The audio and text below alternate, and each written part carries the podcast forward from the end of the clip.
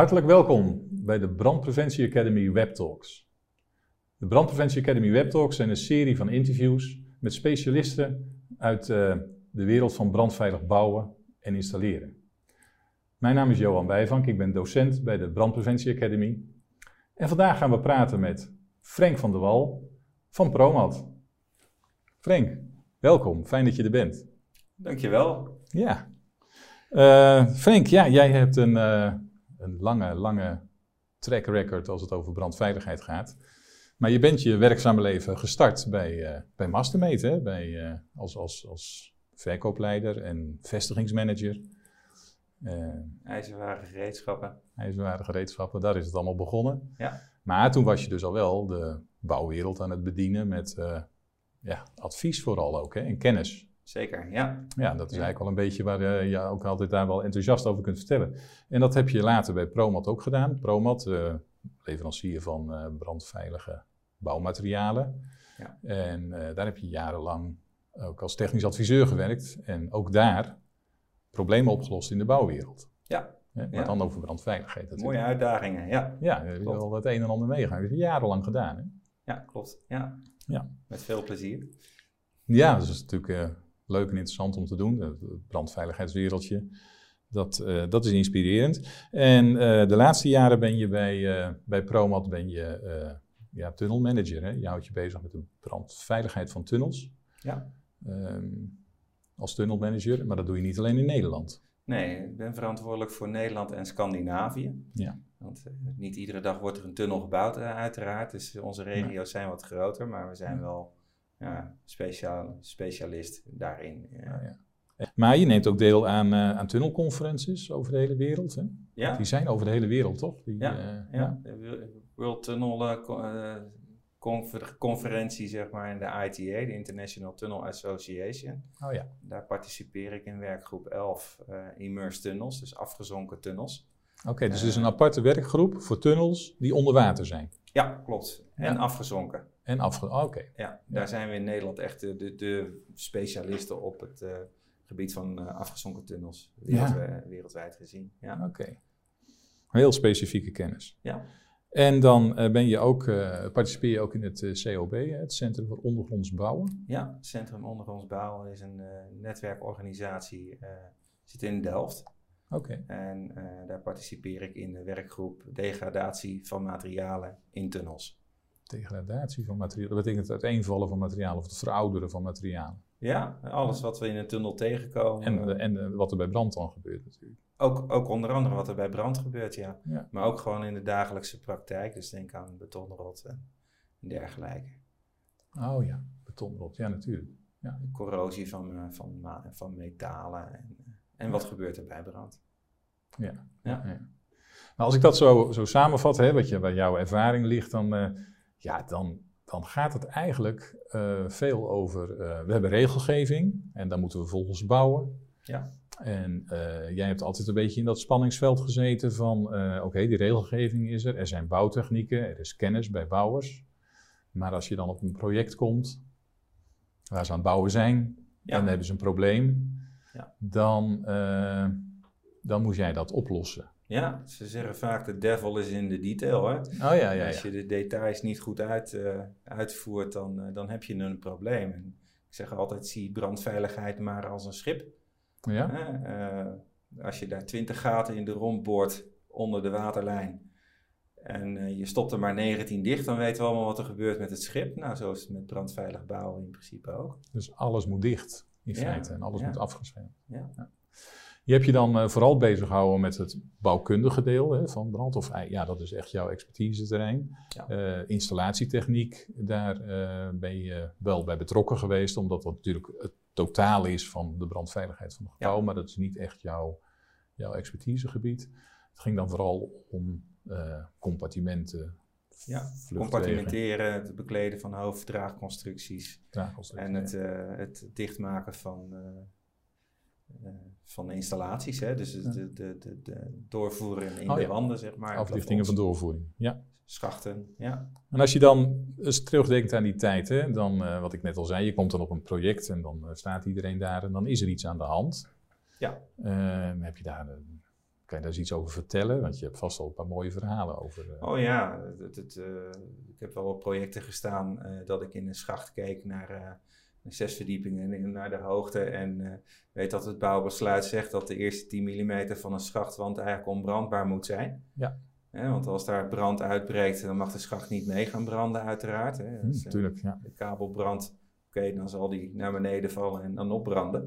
Dus die, als dat niet leidt tot voorts, voortschrijdende brand, is dat niet zo'n probleem. Maar ik keek daar dus in een koker en ik zag dat de hele binnenkant met underlaymentplaten uh, was bekleed. En Ah. de hele installatie hing daar al aan vast. En de heren van handhaving hadden hun werk goed gedaan. Dus die hadden gezien, hey, dit klopt hier niet. Ja, en dan eh, moet je een aannemer eh, proberen te helpen om eh, ervoor te zorgen dat die de eerste 10 mm van die schachtwand onbrandbaar is. En dat die schacht natuurlijk aantoonbaar, in dit geval 60 minuten brandwerend. Maar dat betekent dus ook dat, dat alles er weer uit moest. Ja, dat betekent inderdaad dat de beugels van de installatie eh, moesten los.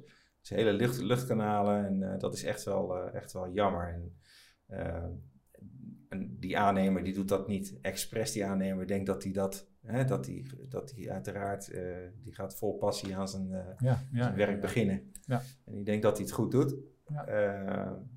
En ja, het is vaak achteraf. Hè.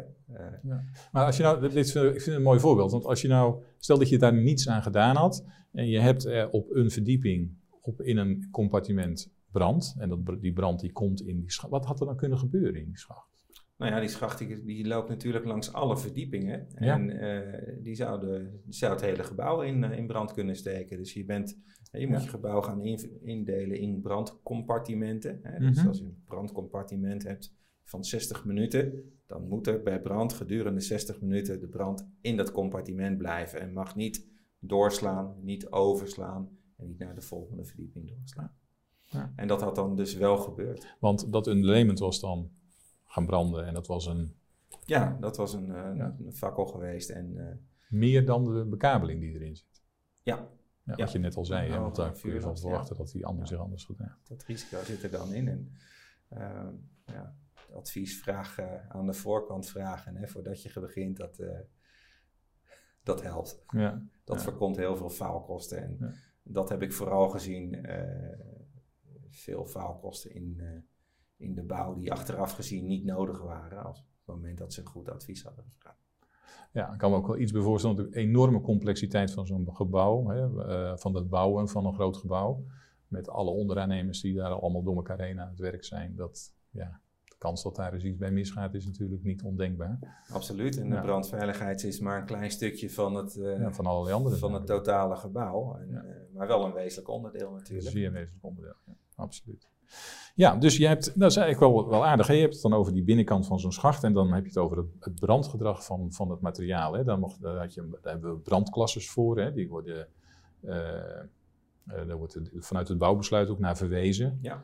Hè, verwijst naar de NEN eh, 13501-1, hè, Eén, de ja. klassificatie van, eh, van brandmateriaal, Ja. van het brandgedrag van materialen.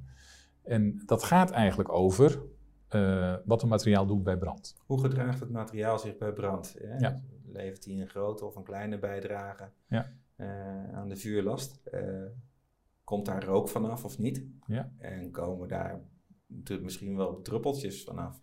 Oh ja, van die, van die smeltende Ja, ja. druppels die ook weer eh, of mensen kunnen eh beschadigen of die het vuur kunnen Ja, verspreiden. ja, en in een rook- en brandvrije vluchtroute wil je natuurlijk materiaal wat niet brandt.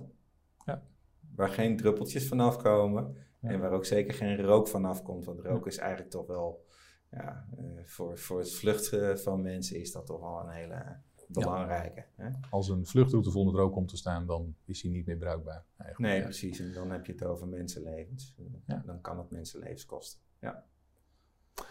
Ehm, waar ik eigenlijk het met jou eens heel graag over wil hebben, dat is over brandgedrag van materiaal. En dan wil ik er dus een één specifiek materiaal, en dat is misschien een materiaal dat nog geen eens zo voor de hand ligt om het daarover te hebben, maar dat is beton. ja, Want wat is de brandklasse van beton? A1, onbrandbaar. Onbrandbaar.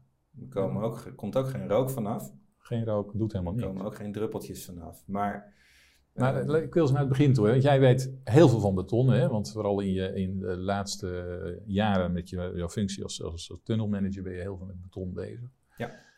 Beton, wat is dat nou eigenlijk en wat voor soorten? Kun je daar eens iets over vertellen? Ja, het is eigenlijk een mengsel van, eh, van water, zand, cement en, en grind, kiezels of kan kalk, eh, kalksteen zijn. Ehm, en daar kunnen vulstoffen in zitten. Beton- Vulstoffen? Ja, vulstoffen. Je kunt eh, als je, eh, je beton iets poreus is, zeg maar. Als je eh, hoog oven cement zou gebruiken, dan kan dat wat poreuzer zijn. Sorry, Portland cement, excuus.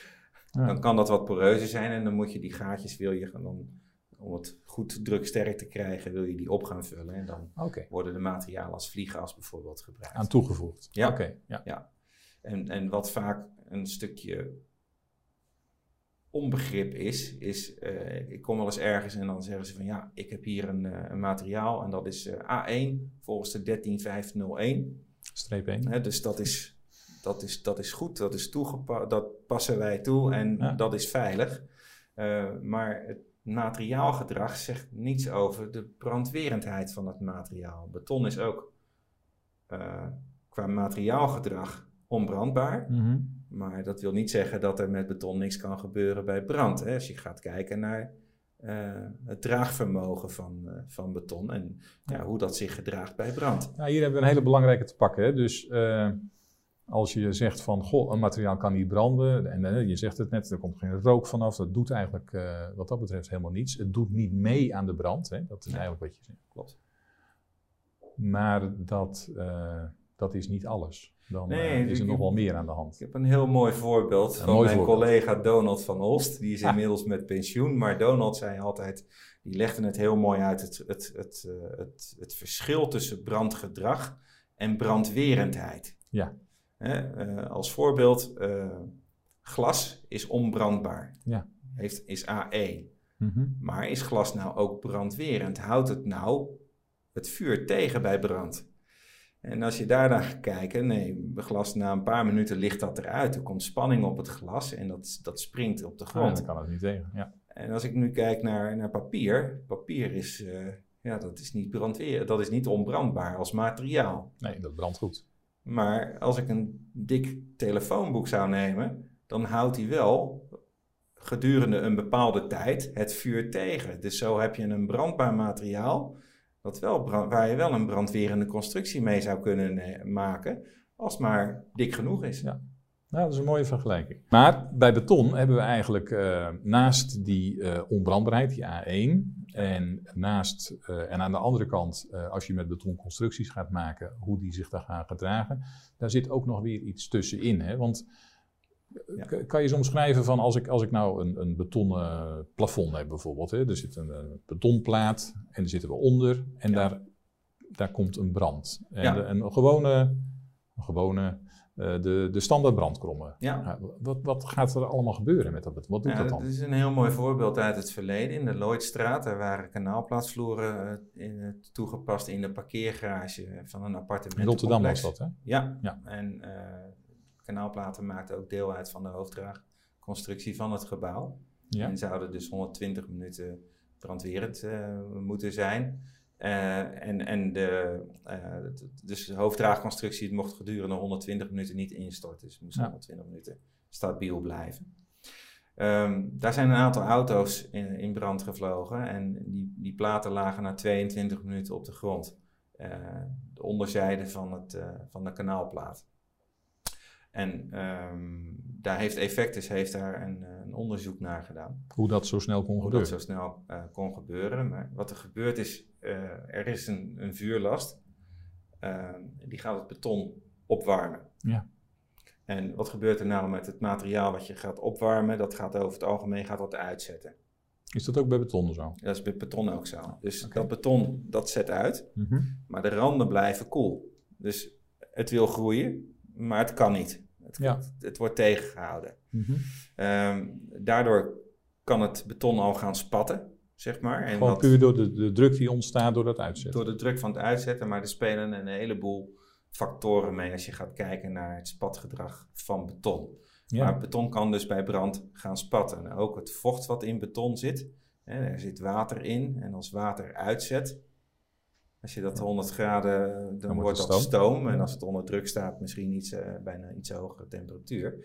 Ehm, maar dat zet dan 1700 keer uit. Dus dat Oh ja. wordt enorm sterk. En ehm, ja, door die, door die uitzetting gaat het beton ook spatten. Oké.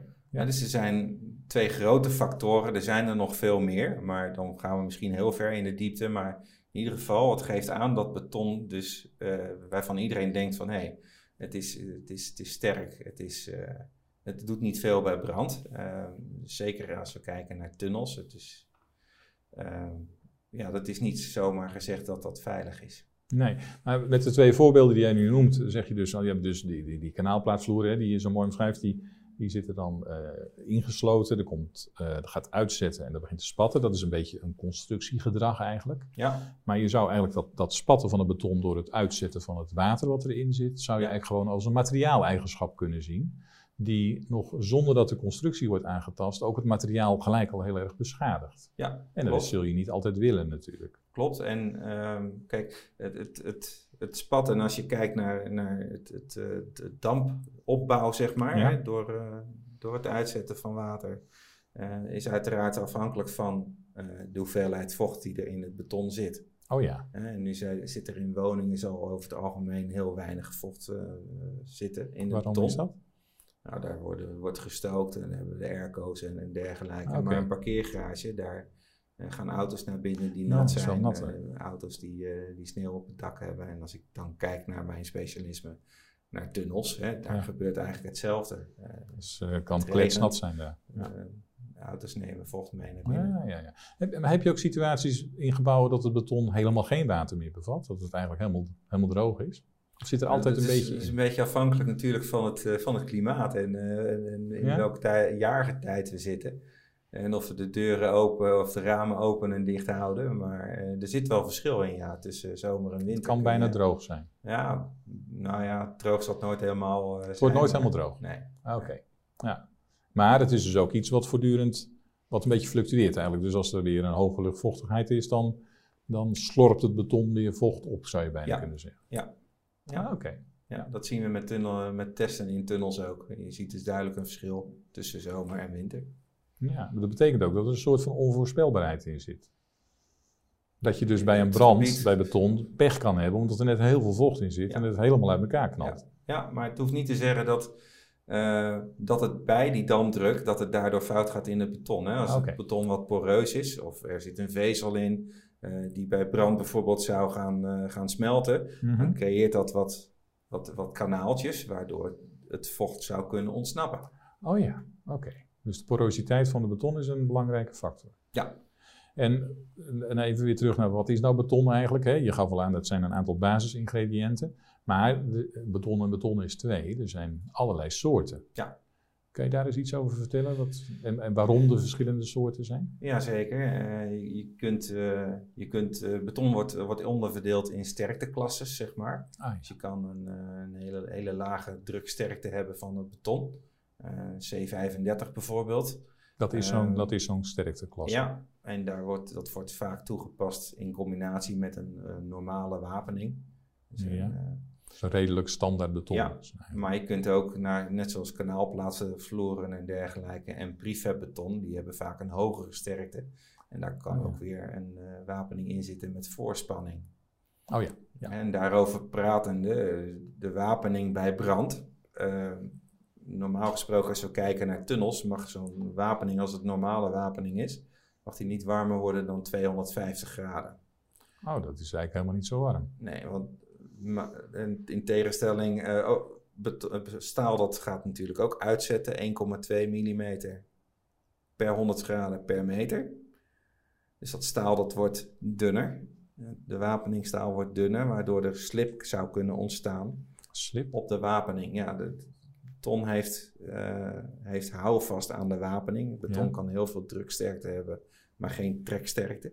Ja. En daarvoor gebruiken we die wapening, maar Ja. dat beton moet dat wel. Eigenlijk houdt hij die wapening vast, hè? Ja, en als er dan eh, een, een buigmoment komt, dan, dan omdat die beton die wapening vasthoudt, kan hij zich, heeft hij ook het houvast aan de wapening. Ja, Ja. ja. en als die wapening dus dunner wordt, doordat hij gaat uitzetten, Ja? dan kan er slip ont- ontstaan tussen het beton en de wapening. Dan is de hechting niet meer optimaal. Oké. En En dan, dan- glijdt die, dat beton, hele- dat, dat staal, dat glijdt dan eigenlijk een beetje door ja, die, en dan zonder zou dat de boel het... instorten. Ja, Ah, Oké, dan doet het zijn werking niet meer. ja. En in tunnels is het En dat zo gebeurt bij hoeveel graden, zei je? In, in tunnels voor normaal eh, staal mag het maximaal 250 graden zijn. Want dan treedt dat al op als Ja. dat... eh, Ja, en als je eh, voorgespannen staal hebt, voorgespannen spannen kun je eigenlijk zien als een soort elastiekje. Dat trek ik uit, ik stort er beton in ja, op en dat kan niet meer terug. ja. Eh, bij bij, voorgespannen wapening is die temperatuur maximaal 150 graden. Oh, Anders zou die spanning van het elastiekje, de, de, de voorspanning die je hebt, is dan weg bij die temperatuur. Ja, iets, iets hoger, 175 graden ongeveer. Maar dan is Maar- dus de voorspanning en het, eh, de treksterkte is weg. Maar dat betekent dan dus, als ik in een gebouw een brand heb... en eh, de brandweer komt en die blust het... Die is, eh, de brandweer is in Nederland snel te plaatsen... komen binnen, is goed toegankelijk, eh, watervoorziening oké, die gaan naar binnen... En die gaan eh, blussen en eh, binnen een uur is die brand uit. Ja. Maar als dan in dat uur de temperatuur van de wapening in bijvoorbeeld een breedplaatsvloer of een kanaalplaatsvloer hoger is geweest dan die 150 eh, graden, want er zit dat voorgespannen beton in, dan is de. Dan, dan, wat dan? Ja, dan zou, dan zou je, als je, als je dezelfde brand, dezelfde vuurlast zou hebben als in een tunnel. In een tunnel Mhm. heb je de Rijkswaterstaat brandcurve. Ja, Eh, die gaat naar 1350 graden. Eh, die heb je gelukkig in een gebouw niet. nee, hè, want daar heb je de standaard brandkolom en die gaat tot. Precies. Die gaat tot, eh, ja, tot ongeveer een 1000 graden. 958 graden na 60 minuten.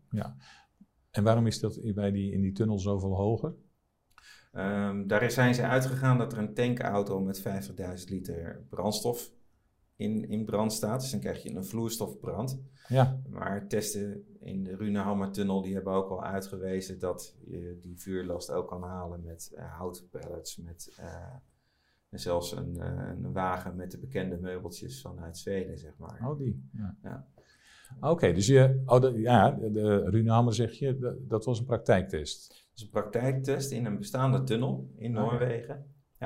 Dus die, die temperatuur die je dus in een tunnel kan verwachten, die, ehm, dat is bedacht, maar daar, daar is ook echt over nagedacht. En dat is dus niet alleen die auto, die brandstoftank, maar dat kan dus ook, dus die temperatuur wordt wel gehaald. Ja, ja. Maar die gaat dus Bij de eigenlijk... Lloydstraat niet. Hè? Bij de Lloydstraat hebben ze gezien dat het nou, ongeveer de ISO-brandcurve, die brandcurve tot 958 graden was. Ja, Dus die was niet eens zo hoog en daarom was het resultaat ook best wel schokkend ja, ja, ja om te zien. Ja, want om even, eh, we we zitten nu al een beetje in het, in het eh, verhaal van testen, hè, maar als we het over branden hebben, dan hebben we dat ge- gestandaardiseerd.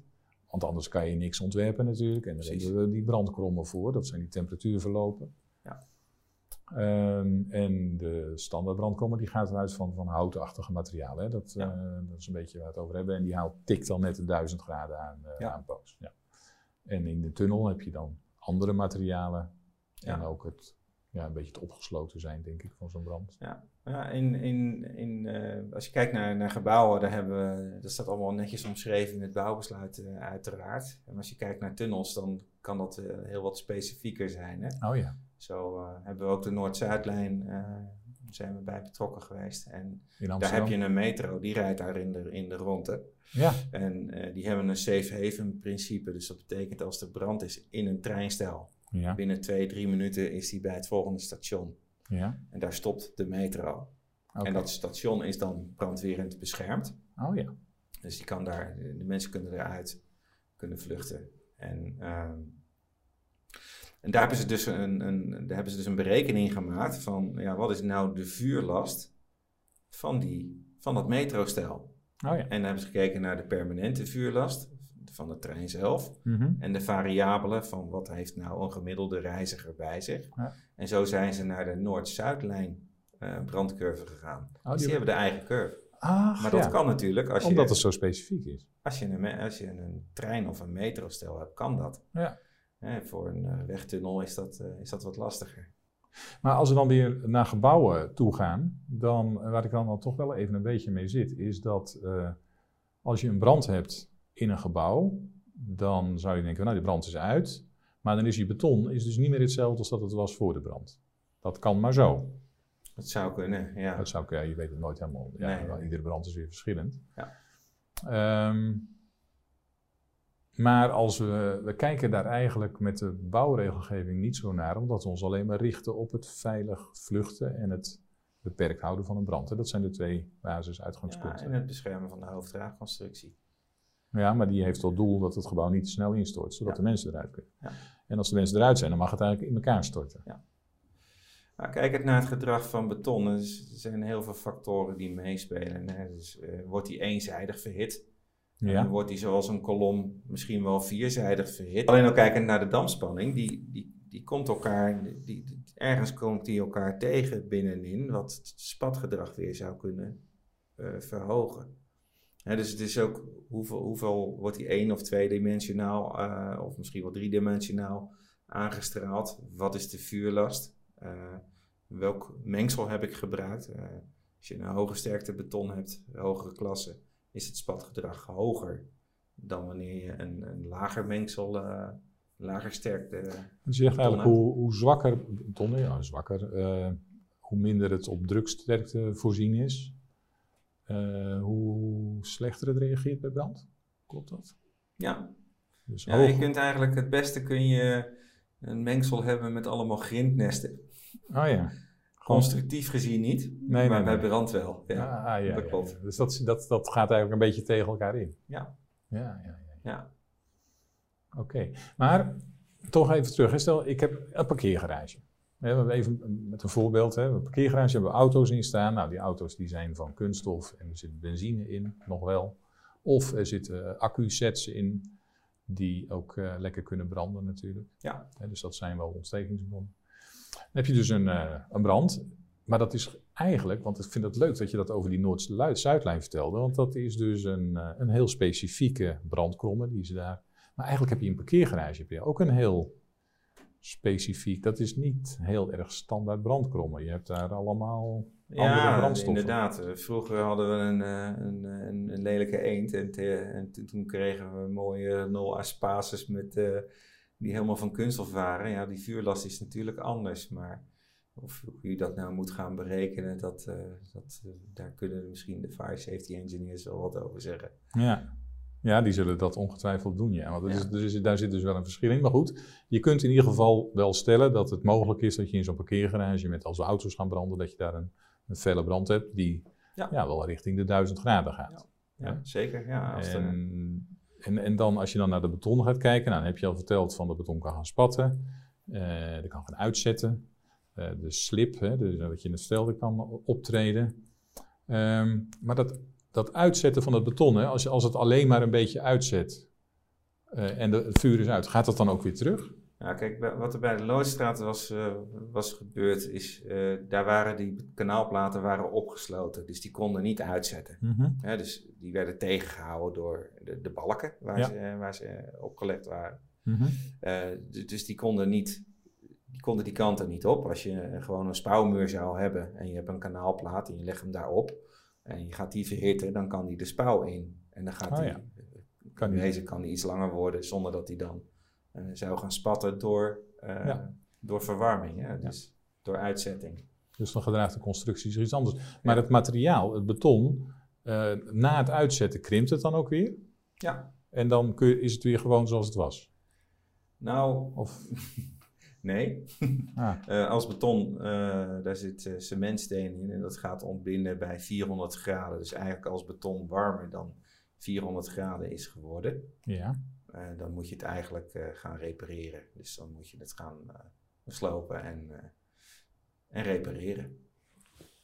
Oké, maar als ik me nou een gebouw voorstel met 20 verdiepingen, een woontoren met daaronder een mooie parkeergarage.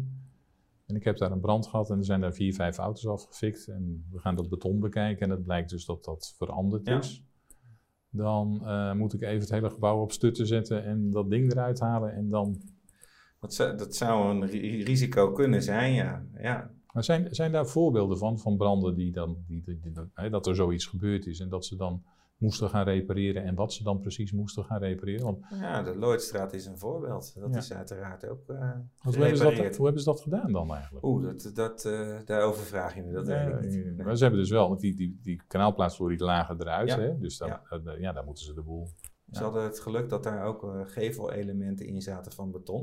Oké. Die hebben in wezen een stuk van het draagvermogen van de vloer meegenomen. Maar dat Ja. was niet zo, voor zover ik weet, niet, niet zo berekend. Maar dat, was Nee, maar dat is wel een van de mooie grote voordelen van beton. Hè? Dat, het heeft een enorme sterkte. Ja. En als je een betonnen gebouw hebt, dan, eh, dan zit daar eigenlijk wel wat overwaarde aan sterkte in. Ja. Dat heb je al snel met beton, omdat Ja. het zo'n sterk bouwmateriaal is. Ja. Dus het is wel robuust. Ja. Het, kan. het is niet zo dat er bij het minste, dat dan bij ieder brandje in een betonnen gebouw, dat iedereen denkt van oh, mijn gebouw is, eh Nee. gaat in. Nee, zo erg is Het moet echt wel een heftige brand zijn. Goed, maar je kunt dus wel gaan zeggen van nou, als ik dus een brand heb gehad in mijn gebouw da- en iedereen heeft kunnen vluchten enzovoort enzovoort, maar ik wil niet mijn gebouw slopen, dan zou je dus een bescherming kunnen aanbrengen. Ja. Ja, dat is ook de reden dat wij, eh, dat wij tunnels beschermen Ja. eh, bij brand. Ja, zo'n tunnel, dat betekent nogal wat als, die, als we die zouden verliezen. En Zeker als het onder water is. Mhm. En dan kost dat, dat kost jaren om zo'n tunnel te bouwen.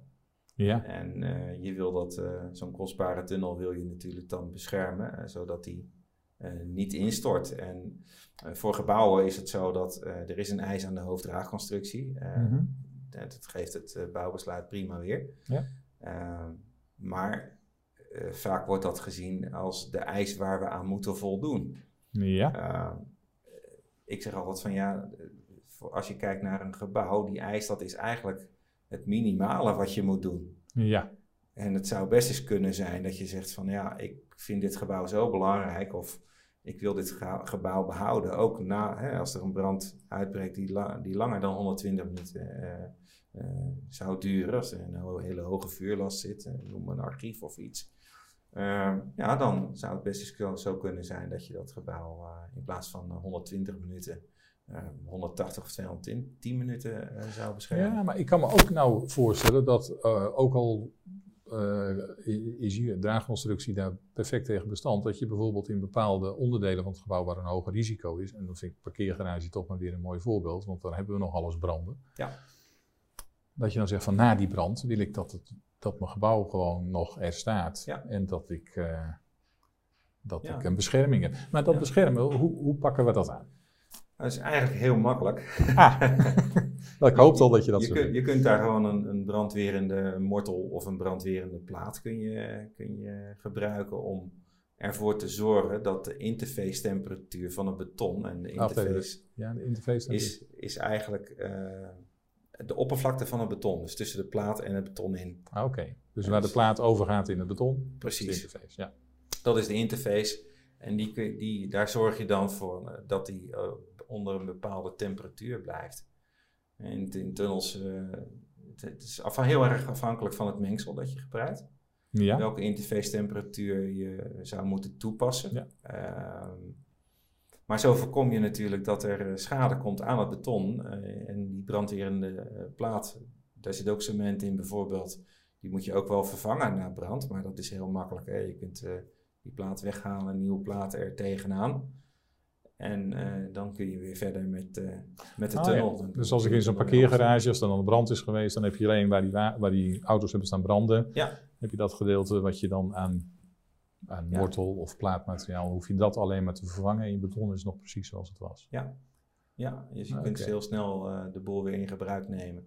En dan heb je dus die interface temperatuur, maar je vertelde net ook iets over die slip. Eigenlijk heb je dus meerdere dingen in zo'n betonlaag waar je naar moet kijken als het over temperaturen gaat. Ja, als wij eh, een advies maken voor tunnels, dan, eh, dan bepalen we de interface temperatuur, of, Mhm. of die is bepaald.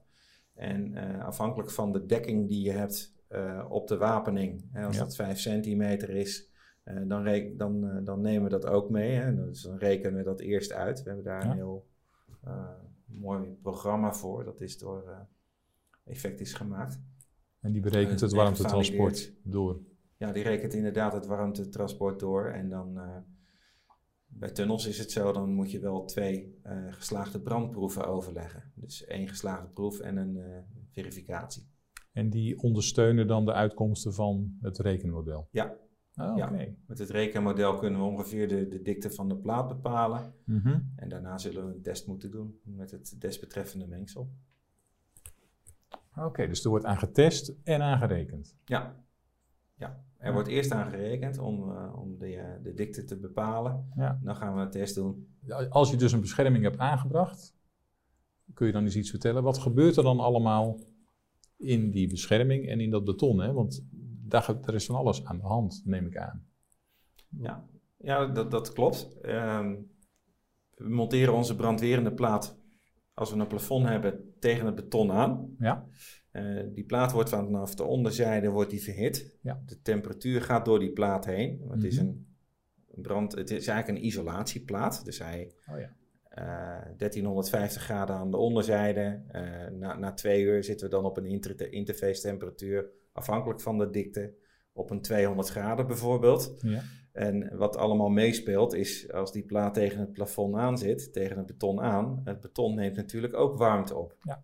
En afhankelijk van het mengsel eh, wordt bepaald hoe snel die die warmte op kan Oh nemen. ja. ja, een heeft een andere warmtegeleidingscoëfficiënt dan het ander. Klopt. Eh, waar wij achter zijn gekomen bijvoorbeeld is, je kunt als toeslagmateriaal eh, kun je grind gebruiken. Riviergrind In het, in het beton, ja. in het beton. Ja, En in het buitenland, daar hebben ze minder rivieren dan wij. ja we hebben er heel veel. Ja, dan zouden ze bijvoorbeeld eh, gebruiken ze kalksteen in het, eh, in het eh, beton. Als poeder. Of, Als, in plaats van grind. Ja, maar zijn dat dan Stenen. Steen, oh, steen. Ja, stenen. Brokken steen.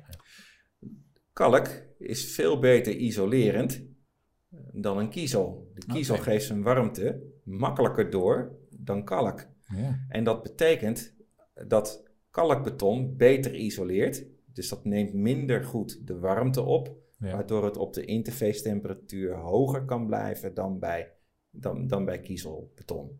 Ah ja. Bijvoorbeeld. Dus dat is een beetje wat er gebeurt. Er spelen van allerlei, eh, allerlei Dat zaken. geeft heel goed aan eigenlijk hoe complex het is. Het is in- enorm complex, ja. Ja. ja. En dat betekent dat kalkbeton, hè, dat je daar weer een wat kleinere dekking in theorie zou kunnen toepassen Ja. op de wapening. Omdat het beter isoleert. Precies. Ja.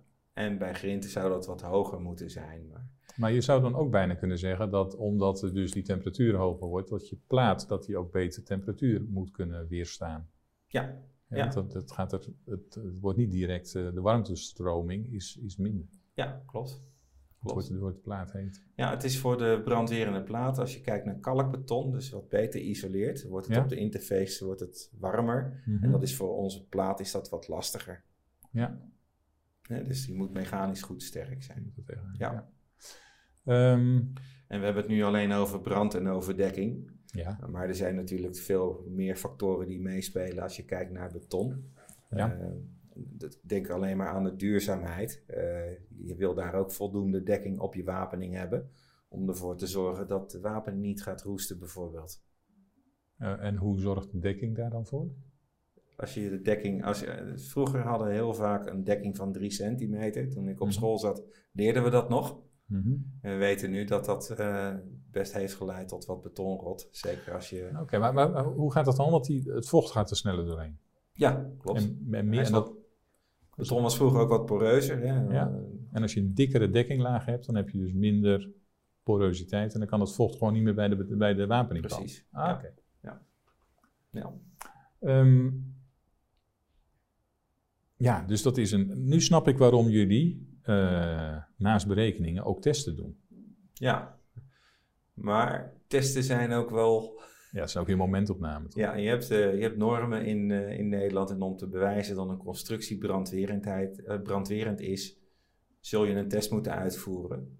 Conform de norm die daarvoor staat. Testnorm. Ja. Ja, de testnorm. Dus of het nou gaat om een doorvoer of, of om een, een plafond of een wand. Ja. Er staat keurig omschreven in de norm hoe je moet gaan testen. Ja. En er staat ook keurig omschreven in die norm waar je zo'n... Als je, als je slaagt en je, bepaal, je, je bouwt hem op op een bepaalde manier... Ja. waar je hem dan ook mag toepassen Oh ja. en waar ook niet. Want Ja. je, je moet kunnen bewijzen dat de constructie werkt. ja, dat is leuk, want nu komen we eigenlijk aan bij, eh, bij, bij het constructiegedrag. En eh, het, het bijzondere aan brandveilig bouwen is natuurlijk eh, dat je, je bouwt iets wat eigenlijk niet wordt gebruikt. En op het moment dat dat gebruikt wordt, rent iedereen hard weg en niemand blijft om de werking echt te controleren. Hè, dat is uh, het uh, bijzondere en misschien ook wel het mooie aan het vak, want je moet dus alles van tevoren onderbouwen met berekeningen en vooral ook ja, toch bij constructies vaak testen. Ja. En uh, nou, voor die testen goed uit te voeren heb je dus die normen inderdaad. En dan uh, als we dan naar gebouwen kijken, hè, de bouw, en even, want bij tunnels zul je andere normen hebben, denk ik. Ja, de uh, tunnels die zijn uh, veelal eigendom van de gemeentes of, uh, of van de Rijkswaterstaat. Ja. En daar zijn aparte eisen voor. Oké, okay, maar zijn die ook Europees? Of, of? Die zijn ook Europees, maar dat is bij, bij tunnels nog zo dat het per land verschilt. Oké, okay. dus als je iets volgens een Amerikaanse norm hebt getest of een Japanse, of een Zweedse? Wij lopen daarin gelukkig voorop. Rijkswaterstaat heeft hele goede, goede dingen gedaan in het uh, verleden en ook, uh, ook nog steeds uiteraard. En de Rijkswaterstaat uh, brandcurve die wordt eigenlijk wel in 9 van de 10 landen wordt die toegepast. Er zijn landen. Ah, dat is een stukje nationale trots. Even, ja, even wat aandacht ja, geven. dus er is een Rijkswaterstaatcurve, zeg je, die ook zo heet. Ja, En die wordt wereldwijd toegepast als het gaat over de brandveiligheid van, van tunnels. ja, ja, Ja. zeker. En eh, Ah, heel veel mooi. landen, de NFPA 502, dat is de Amerikaanse norm, die, heeft ook, eh, die passen bijvoorbeeld ook de Rijkswaterstaat eh curve toe. Goh, die arme Ja. Amerikanen moeten ze Rijkswaterstaatcurve zeggen. Dat lijkt me Ja. nog niet zo gemakkelijk. Ja, nou, er is misschien kans dat, dat, dat die curve een andere naam krijgt. Ah, Oké, iets simpeler. Ja. Lijkt me verstandig. Amerikaan, ja. Eh, maar goed, dus in die bouw, daar hebben we onze bouwtestnormen. Hè, die worden natuurlijk uiteraard ook voor die constructies gebruikt. En dan eh, kun je een, een, een draagconstructie, dat denk ik aan eh, kolommenliggers natuurlijk, van beton. Ja, Maar bij betonnen dra- eh, dragende constructies hebben we ook de plafonds. Hè. Je noemde de kanaalplaten al. En dan hebben we breedplaatvloeren. Die, zijn allemaal inge- die doen allemaal mee aan die, aan Ja. die stijfheid en, en dragen. schijfwerking, ja. En dat eh, kan dan allemaal getest worden. En dan heb je eigenlijk je kwaliteitsborging. Ja, kwaliteitsborging, dat is eigenlijk, eh, je, je, zult, je zult het testrapport moeten overleggen. Ja, Om te ja want er- bewijzen dat je, hebt, je hebt nu heel mooi geschetst hoe, hoe complex die materie is. Hè, hoe dat materiaalgedrag, we daar van alles over te vertellen. Dat je verschillende soorten beton hebt en zelfs per, per eh, land of eh, werelddeel waar je bent, andere, dat je andere soorten van betonnen die zich anders gedragen. Maar hoe kun je dan op een bepaald moment, als jij als, als eh, eigenaar van een gebouw, daar zit dat allemaal in, hoe weet je dan zeker dat het ook bij brand 90 minuten blijft staan? Dat, kijk, Ja, eh, dat is een hele goede vraag. Dank je. Die, die is heel goed. Het, eh, ik, zei al, de- ik zei eerder al, de devil is in de detail. Je moet allereerst moet je ervoor zorgen dat alles op de juiste manier is uitgevoerd. Dus zoals er getest Oh, is. ja. Of, Ja, daar, daar ga je al natuurlijk. ja, en dat is al, een, eh, dat is al heel complex. Eh, er, zijn, eh, er zijn externe partijen, die, die keurende instanties, die, die dat in een logboek bijhouden bijvoorbeeld. Als we kijken naar, naar doorvoeringen en zo. Maar Ja, maar de constructies bestaat daar niet, niet zo'n logboek voor of iets. Nee. Nee, want je hebt natuurlijk ook bij een, of je, of je bouwconstructie nou van staal of van beton of van hout is, als die één keer gemaakt is, hoef je er eigenlijk geen onderhoud aan te plegen. Nee. Toch? Ja. Nee. Nee, dat, bij een constructie is dat niet, eh, tenzij je natuurlijk gaat verbouwen. Dan is het ook weer interessant om te zien van hoe is het gemaakt. Ja. Of ik heb ook wel eens gezien in een, eh, in een parkeergarage dat de, de stalen liggers eh, waren bekleed met een materiaal die, dat niet ex- echt geschikt is voor eh, semi-overkapte eh, Oh ja, ruimtes. En Vocht, door het vocht eh, lag de boel op de grond. Ja, dat kan Dus, allemaal eh, misgaan. ja. Dus die kwaliteitsborging, dat, dat, ja, daar, daar valt nog wat een en ander over te zeggen. Maar je hebt al een paar dingen genoemd. Hè? Dus je kunt constructies van tevoren testen. Ja. En als je ze dan precies zo uitvoert als ze getest zijn, dan, dan heb je al wel een behoorlijk stuk zekerheid. ja, als je Ja. kijkt naar tunnels, dan is dat eh, het enige wat je kunt doen. Ja. Dus eh, je zult twee geslaagde brandproeven moeten overleggen.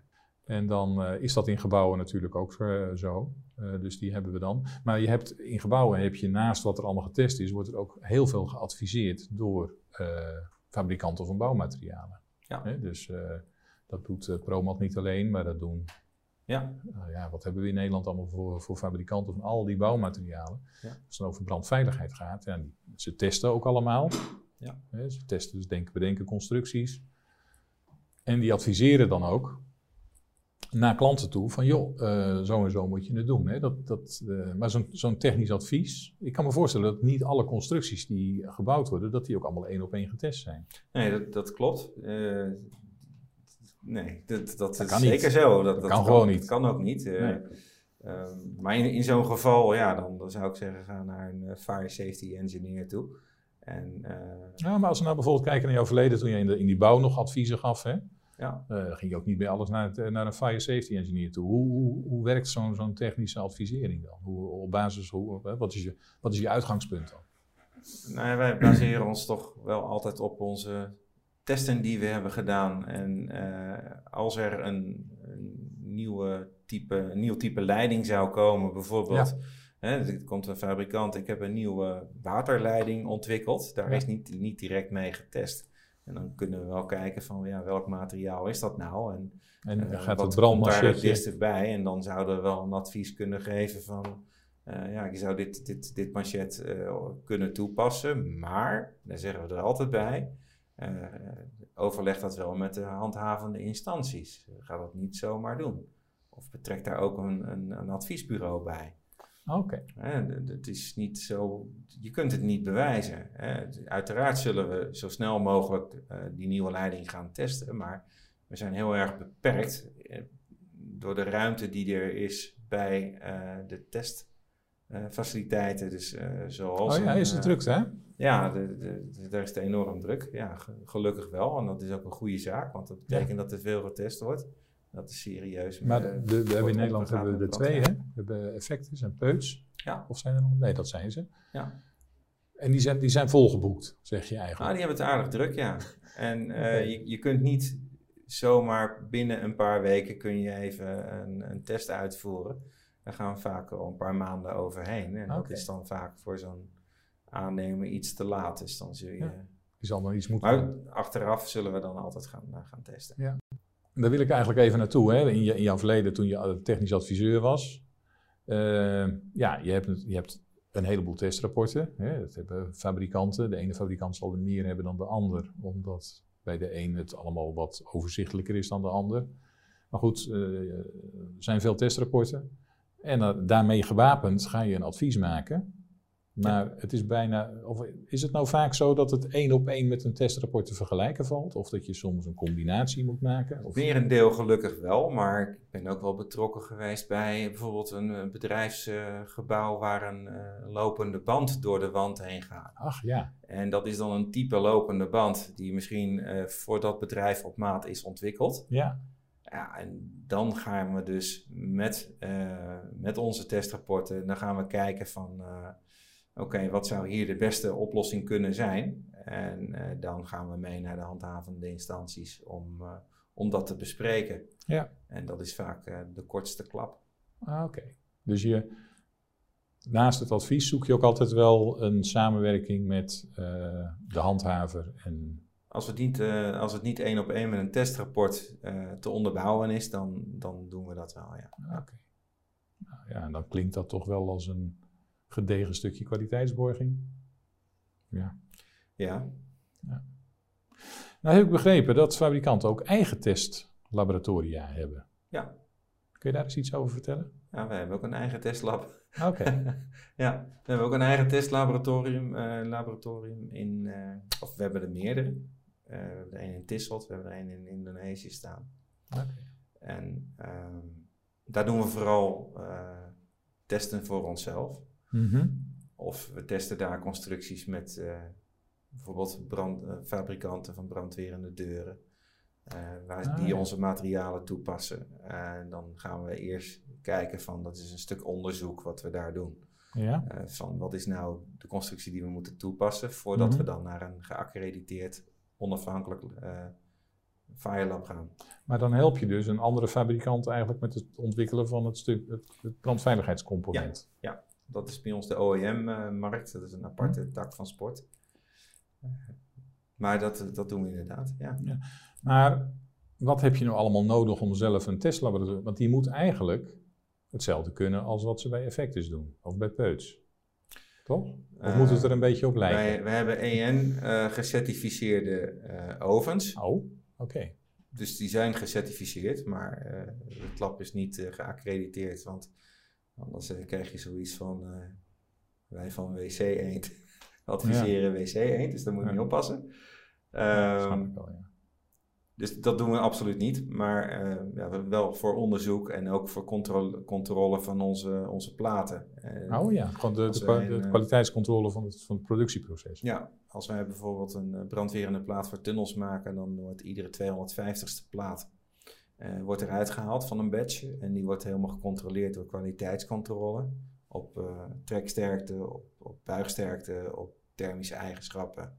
Krimp eh, wordt, wordt gemeten. En pas als dat goed is, gaat zo'n badge de deur uit. Maar dat gebeurt allemaal op kleine schaal. Oh ja, ja. Dus ook regelmatig pakken wij een volledige plaat en testen we die ook. En, dat- en dat eist ook de, het ISO-certificaat wat we hebben. Oh ja. Staat dat ook in omschreven? Ja, dat we ja. ook moeten Het doen. ISO kwaliteitscertificaat op het productieproces. Ja. Oké. Nou, dan zou je bijna zeggen van, eh, het is eigenlijk wel goed dat de slager af en toe zijn eigen vlees kleur- keurt. Ik zou niet graag een hamburgertje eten van een slager die nooit zijn eigen vlees dus dat, ja, eh, eh, zo kan je het bekijken. Ja. Dus we hebben ehm, hele bijzondere eigenschappen van materialen in, in beton. Hè. We hebben er toch wel een, een aantal dingen aangetipt waarvan ik denk van, hé, hey, dat is wel bijzonder. We hebben het gehad over die constructies.